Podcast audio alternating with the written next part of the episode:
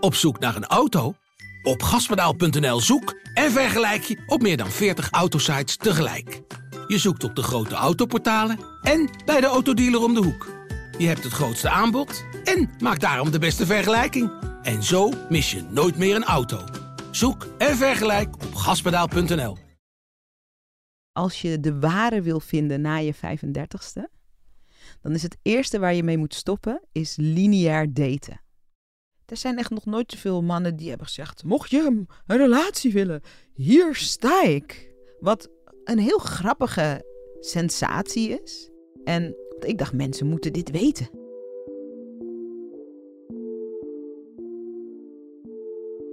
Hi, ik ben Corine Kolen.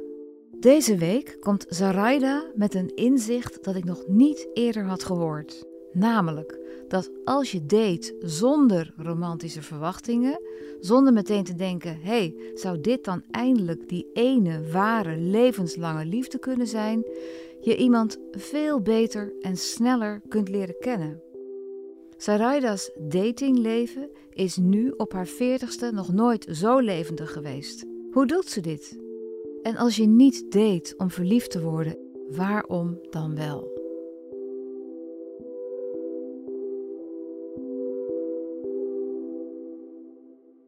Hey, Saraida. We hebben elkaar als een keer eerder gesproken. Het zou raar zijn om te doen alsof we elkaar helemaal niet kennen. We kennen elkaar niet goed, maar we hebben elkaar wel eerder ontmoet. Ja. En eigenlijk interview ik nooit mensen die ik al eens een keer heb gesproken, want dan is het nieuwe eraf. Maar jij belde mij met een fantastisch onderwerp en daar konden we niet omheen. Ja. En dat is, uh, ja, platonisch daten noem je het. Als je het zo zegt, denk ik, wat is daar eigenlijk fantastisch aan? Maar het is fantastisch. Nou, ja. daten staat bekend om heel veel, uh, ja, toch heel, ook heel lijfelijk en, en elkaar proberen te versieren. En, Ja. Maar dat gebeurt in jouw geval niet. Eh, wel, maar niet op, de, niet op die manier zoals we dat altijd hebben gedaan. En wat is de definitie daarvan? Ja, geen seks. Nee, mag wel een beetje zoenen, vind ik. Ik maak mijn eigen regels natuurlijk. Als je date in je twintiger jaren, dan... Ik, nou, ik ontmoet Pietje. Ik vind hem leuk, hij vindt mij leuk. We gaan op date. Eh, na drie dates denk je, oh, ben ik eigenlijk wel verliefd op hem. Eh, dan eh, duik je met z'n tweeën zo met de, de koppen zo tegen elkaar in die relatie. En dan kom je er ongeveer na drie maanden achter, het werkt eigenlijk niet. En dan ben je daar heel teleurgesteld over. Je kan er ook achterkomen dat het wel werkt. Maar daar gaat dit scenario niet over. Ben je daar heel teleurgesteld over, dan ben je daar twee maanden ook helemaal van, oh, maar, hoe, maar het was zo mooi. En dan zit je helemaal in dat verhaal. En dan na die twee maanden, dan, ga je, dan heb je jezelf weer soort afgestoft en dan ga je het weer proberen. En dan eigenlijk maak je weer zoiets mee of het wordt wel wat. En in die hoedanigheid deed je drie mannen per jaar. Mhm.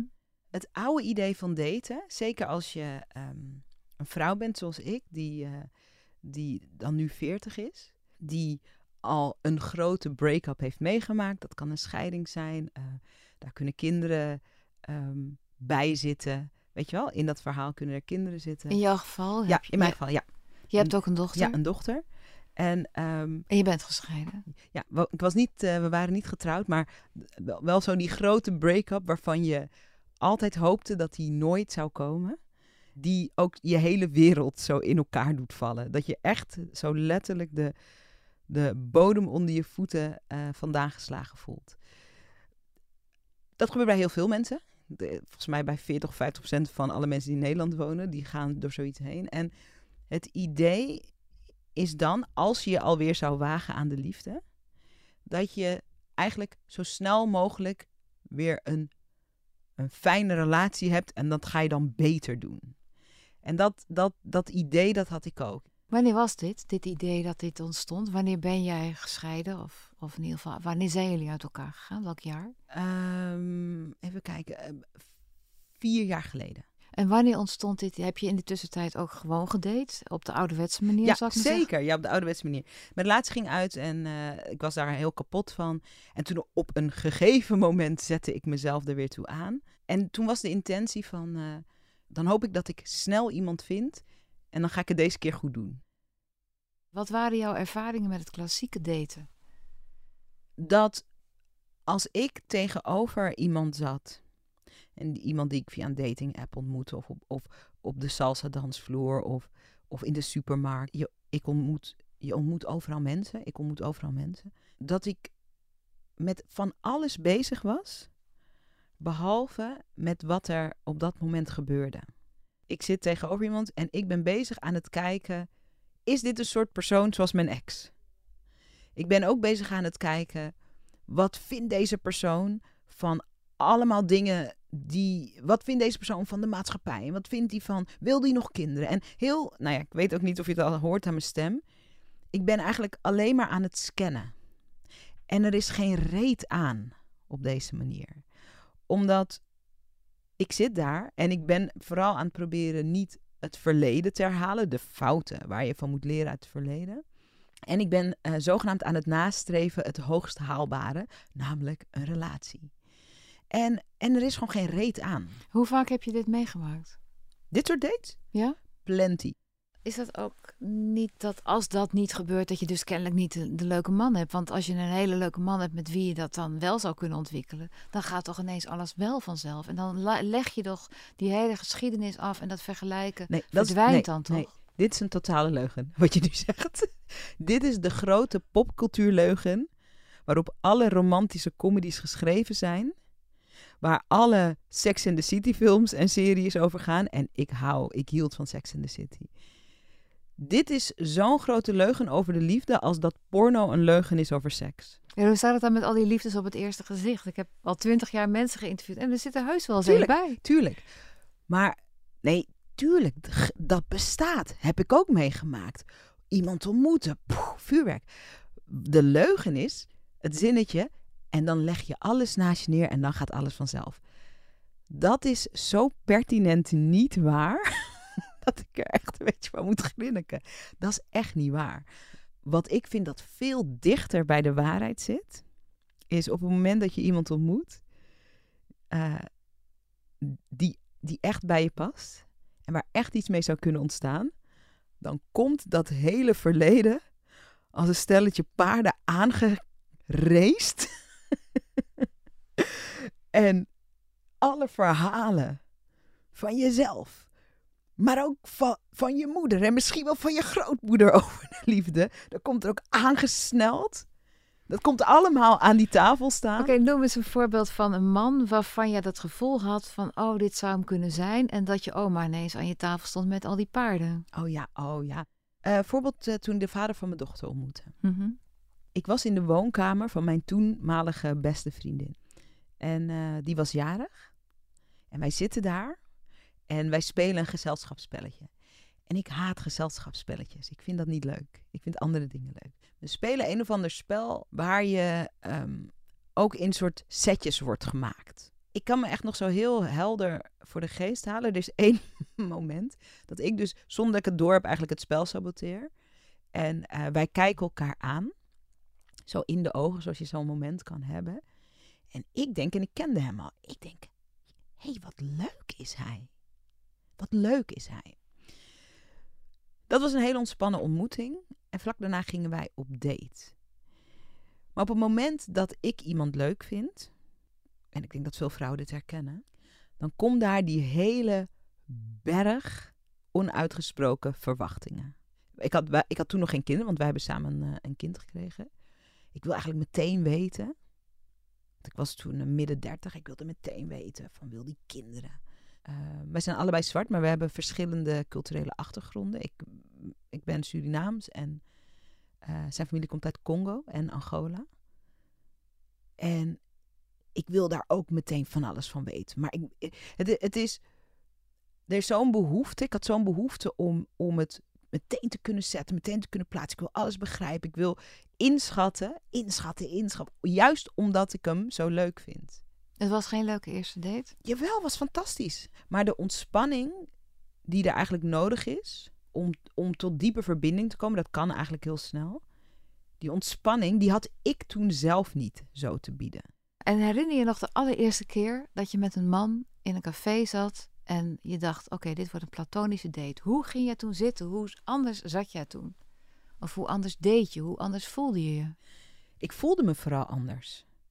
En het zat er niet in wel of geen seks, want Ik ben gewoon volwassene en ik mag gewoon doen wat ik wil. Ehm, maar het zat hem veel meer in. Dit is een verwachtingsloze date. Nou ja, dat is iets radicaals bijna. En het was verrassend stil in mijn hoofd. Waarmee ik bedoel, ik luister gewoon. Ik ben niet aan het scannen of dit klopt voor mij. Wat hij zegt, vind ik dat ook? Hoe zie ik dat? Past dat bij mij? Al dat geneuzel. Ik luister gewoon. En we hebben een prima leuk gesprek gehad. Waar ging dat prima leuke gesprek over? Eerst over werk. Toen over dingen in de samenleving. Op een gegeven moment ging het over religie. Vond ik heel interessant. Het was helemaal niet, ik moet ook een beetje graven in mijn gedachten, maar het is helemaal niet ehm, een soort heel noemenswaardige date. Maar het was voor mij wel een grote, er was zo'n grote shift in mij dat ik dacht, deze ontspanning. En uiteindelijk vond ik hem helemaal niet zo heel leuk. Maar dat was dus ook helemaal geen halszaak. Kwam je daar diezelfde avond nog achter? Nee, de, ik moest er even een nachtje over slapen. Op een gegeven moment gingen we uit elkaar. Ook niet gezoend of zo. Ik hou wel heel erg van zoenen. Maar niet gezoend. Ik voelde ook helemaal geen behoefte. Toen ging ik onderzoeken van, is dat erg eigenlijk? Ja, en hij was de eerste. En hoeveel volgden er daarna? Nou kijk, als ik nu... In het begin moest ik ook even aftasten. Ik bijvoorbeeld nu naar mijn, mijn huidige leven kijk. Mhm. Nu ben ik natuurlijk heel bedreven geraakt. in dat volume daten. Want eh, hoe ziet het volume daten eruit? Dat ik ook lekker veel op date ga. Maar een paar keer per week? eh, nou, het ligt een beetje aan mijn agenda. Het kan, het kan een paar keer per week zijn. Het kan ook een paar keer per maand zijn. En het zijn altijd andere mannen. Het is een pool. Oh, dat, is, dat, circuleert. Ja, ja. Dus je ziet bepaalde mannen, die zie je dan. En dan zie je ze over twee weken weer. En misschien over drie weken weer. Maar heel En is dat een vaste pool of dat wisselt? Ze hadden het over voetbal. Nee, eh, eh, nee het is heel organisch. Er valt er een af en er komt er een bij. Ja, het is heel organisch. En, ehm, en het leuke daaraan vind ik... Want misschien klinkt platonisch daten heel saai. Maar het is juist super sensueel. Vertel. Oké, ik was laatst... ehm, ging ik lunchen met, eh, met iemand die ik heel leuk vind. En ehm, we zaten gewoon lekker te eten en te kletsen. En ik ben aan het luisteren en ik... In plaats van dat ik helemaal in mijn hoofd zit, ben ik echt in mijn lijf ontspannen. En ik ben gewoon aan het voelen van wat doet de nabijheid van deze man eigenlijk met mijn lichaam. En ik voel van, oh ja, ik voel me eigenlijk heel ontspannen. Oh ja, ik voel me ook, dit klinkt een beetje zweverig allemaal, maar ik voel me ook heel vrouwelijk. Oh, en oh, en als hij mij aankijkt, want wij keken elkaar gewoon in de ogen aan, oh, dan voel ik eigenlijk, dan voel ik eigenlijk een soort beetje elektriciteit. Oh, how interesting, leuk, lekker. En op een gegeven moment viel het gesprek, omdat het niet zo'n soort, de meeste gesprekken zijn een soort conclusieraces. Een soort afvinken eigenlijk. Ja, afvinken. En dat is super saai. Dit is een, een leuker gesprek. Op een gegeven moment valt het zo stil. En ik denk, ik ga gewoon eens niet invullen de stilte. En we kijken elkaar aan. En ik voel zo helemaal zo- zo'n soort rilling door mijn lijf. Ik denk, oh, wat leuke man is dit eigenlijk. En dus dat bedoel ik met... eh, dus dat, dat is dan eigenlijk een heel sensuele ervaring met flirten en elkaar in de ogen kijken. En niet dat je volgens in je hoofd schiet. Dat je denkt, gaat hij me zoenen, gaat hij me zoenen, gaat hij me zoenen? Wat, wat, ga ik met hem naar huis? Al dat soort ge- geblaad. Dat is er ook niet. Het is alleen hier en in het moment. En ik ben gewoon aan het voelen hoe het is om in deze man zijn nabijheid te zijn. En als je dan weer naar huis fietst, hoe is het dan? Fantastisch. En, en, en weten die mannen het ook? Zeg je Ja, dat van ja, tevoren? ja. Nee, zegt- nee, nee, niet van tevoren. Nee, nee. Hallo, we gaan op date. Maar het is belangrijk dat je weet dat ik... Nee, nee. Ik kom gewoon opdagen. Ik ben open. Het komt ook niet altijd niet eens... eh, het is niet altijd meteen een topic, want... eh, spoiler, heel veel mannen daten ook zo. Minder, niet zo... Je bedoelt zoals jij, platonisch deed. Ja, niet, niet zozeer met het platonische Nee. stuk, maar... dat platonische, dat hebben ze maar dan wel bij het overstaan. vrijblijvende stuk. Vrijblijvende stuk. Niet exclusief is zeg maar het goede lingo daarvoor. We zijn niet exclusief aan het daten. Dat, eh, voor heel veel mannen is dat veel normaler. Maar vrouwen die zijn al loyaal aan het idee van iemand nog voordat ze hem ontmoet hebben. Of naar één date is echt ridiculous. Dat slaat nergens op. En zeg je dan ook tegen het eind van de avond, ja, stel je hebt een ontzettend leuke avond gehad met een man en je zoent wat en die man die wil, die wil meer, die wil dat je meekomt. En wat zeg je dan? Dan zeg ik, ik ga naar huis. En dan maar het zeg lijkt je me niet, superleuk om je nog een keer te zien. en merk je dat, zo, dat hij dan onzeker wordt? Gebeurt dat? Of, Soms is iemand natuurlijk wel eens teleurgesteld. Tuurlijk. maar je vertelt niet dat je dit eigenlijk al met meerdere mannen doet. Jawel, En- ik ben altijd open over dat. eh, ik ben niet En dat je- exclusief aan het. je- ja, ja. Ik, ik date niet exclusief. En ik zeg, ik ben ook niet zo snel met seks. Dat heeft niks te maken. Ik zeg, ik zeg, het heeft niks te maken met jou. En als iemand daarop af wil haken, wat niet gebeurt, kan ik je vertellen, vind ik het prima. En het klinkt echt stom en het klinkt ook, eh, maar ik, het is gewoon waar. Er zijn echt nog nooit zoveel mannen die hebben gezegd: oh mocht je een, een relatie willen, hier sta ik. Wat een heel grappige sensatie is. Ik merk bijvoorbeeld dat eh, die mannen zijn veel eerlijker. Omdat het super schaars is om in iemands aanwezigheid te zijn zonder dat je onbewust van alles en bewust misschien van alles van elkaar moet en het moet mm, dat uitzoeken. En met een van die mannen, hartstikke leuke, knappe, heel sexy man. Echt zo'n zo eentje die is, eh, het lijkt wel van een filmposter afgetrokken, weet je wel. Die was heel open over hij eigenlijk best wel veel moeite heeft om zich echt te geven in de liefde. En eh, ook wel over dat hij een idee had waar dat wel vandaan komt. Dus dat had iets te maken met de relatie die zijn ouders weer hadden. En eh, dat soort eerlijkheid vind ik echt. Dat is een testament aan van er ontstaat hier iets wezenlijks. Ik ben meer mezelf. Die, ik ben meer ontspannen. Die ander kan meer ontspannen zijn. En er kan iets echt wezenlijks ontstaan. En dat hoeft dus geen liefdesrelatie te zijn. Denk je dat het bij iedereen past? Ehm, nee, ik denk niet dat het bij iedereen past. Maar ik, wil, ik zou juist de mensen die veel weerstand hebben op wat ik hier deel, toch willen uitnodigen van. Er zit ook zo weinig risico aan, vind ik. Heb je met geen van die mannen seks gehad? Ehm, met eentje, een keer. En waarom mocht hij dan wel? Waarom was dat dan? Of was dat dan een soort tegen je eigen principes in? Van, Nee, nee, nee, dat was niet tegen mijn eigen principes in. Dat wilde ik toen heel graag. Dit was gewoon een moment en het was heel mooi. En eh, dat ontstond. Maar dan is het niet van, oh, ik heb mijn eigen spelregels gebroken. Want ik mag natuurlijk doen wat ik wil. En zo leef ik ook. Eh, het is, laat ik het zo zeggen. Als je niet platonisch aan het daten bent, dan ben je altijd aan het afwegen als vrouw. Als je met iemand omgaat die je leuk vindt, ga ik het doen? Wanneer ga ik het doen? Hoe eh, zijn mijn benen zo? Hoe, zie- ik eruit? Die innerlijke pingpongwedstrijd, die is er nu niet. En dat is heel prettig. Ik geloof, nu ik een tijd zo deed, als of wanneer ik straks een relatie heb, ik geloof dat ik veel meer te bieden heb in de relatie waar ik straks in zal zijn. Maar waarom ligt de grens bij seks? Ehm, voor mij, als ik iemand heel leuk vind en seks met iemand heb, dan raakt mijn beeld ook. eh, dan, raak, dan, dan, ga, ik- dan, ga ik, dan ga ik weer in alle verhalen. Betekent niet dat ik nooit seks Dan komen heb. de paarden weer. Dan komen de paarden weer, ja. Dan komen de paarden weer. En dat, dat is ook een beetje biologisch. Er zijn natuurlijk allemaal van die onderzoeken gedaan dat Hormonen en Ja, dat soort dingen. ja, dat, eh, dat er van allerlei aan stofjes worden aangemaakt. Als je, dus, dus voor deze periode van mijn leven. Heb je een afgebakende periode? Nee, ik, ik denk dat ik op een dag wakker word en ik denk. Nou, nu ga ik met een van die mannen die zich heeft aangeboden met een roos in zijn hand. Zeg ik daar wel ja tegen. Tot die tijd. Ik denk dat ik op een dag dat er een nieuwe fase ineens is. En is er dan nu een man bij wie je het het fijnst hebt? Er is wel een man die ik, ehm, die ik de allerleukste vind, dat wel. Zou hij het kunnen zijn met wie je... Het zou prima kunnen, ja. Maar je stelt het nog even uit. het, het moment dat ik voel, en nu wordt het meer, dat moment is nog niet geweest. Dus ik wacht het moment af, als het ware. Maar dan zit er toch weer verwachting bij, of niet? Nee, want het zou kunnen dat het moment nooit ontstaat. En dat is prima. En dat is prima. Ben je niet teleurgesteld? Nog niet, nee. Dus misschien Dan- komt dat ook nog. Dat zou kunnen.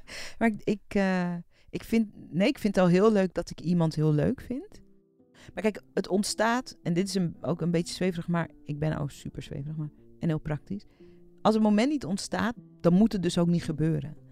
Dus dan kan ik daar wel, dan, dan kan ik daar misschien, dan ben ik daar misschien even teleurgesteld over. Maar dan is er niks verloren.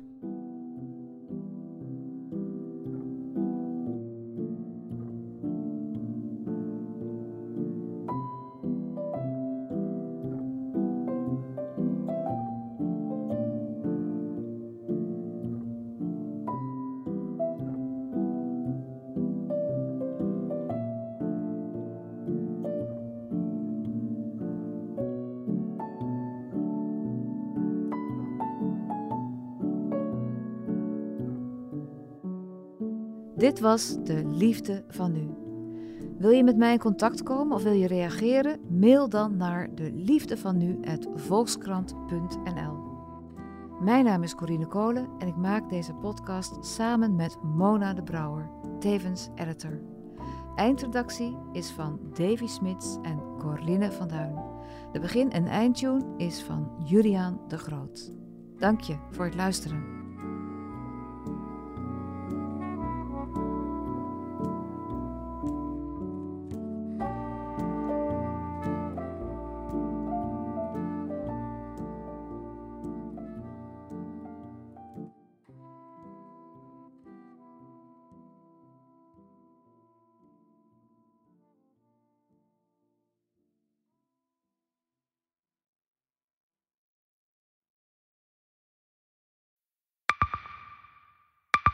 Zijn leven is overhoop gegooid.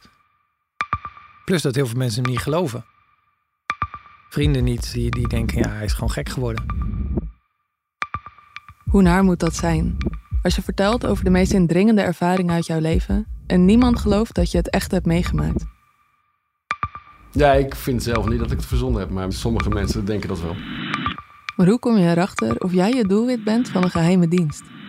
Ik heb ook wel eens meegemaakt dat je het idee hebt dat inlichtingendiensten in je geïnteresseerd zijn. En dan kun je wel heel veel zien, wat er misschien helemaal niet is. Als ik s'avonds nog iets ging eten, dan volgden die mensen mee naar het restaurant.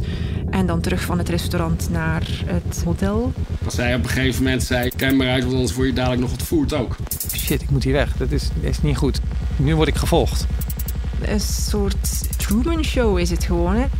Alsof dat hele straatbeeld voor jou is ingericht. Maar dan wel met bedoeling jou, jou niet door te laten. Dit kan geen toeval zijn. Een nieuwe podcast van de Volkskrant. Mijn naam is Simone Eleveld en samen met Huid Modderkolk ontrafel ik een bizarre operatie van de geheime dienst. Wat het doel ook is, jij verliest het. Ik werd opgepakt, heel lang ondervraagd. Maar hoe krijg je grip in een wereld die zo onderzichtig is? Als je zou liegen, dan zou je niet de meest relevante informatie twee jaar later tussen neus en lippen doorvertellen. Er zal nooit iemand zeggen, oké Bart, ik geloof je. Nooit, nooit. Dit kan geen toeval zijn. Vanaf 3 oktober bij de Volkskrant. Ik weet niet of ik je ook alles kan vertellen. Het is echt te bizar. Wat? Ehm, ja. Zin om op pad te gaan? Leukstetickets.nl gids je naar de leukste uitjes. Een pretpark, musical, dierentuin of een nachtje weg? Start je zoektocht op leukstetickets.nl.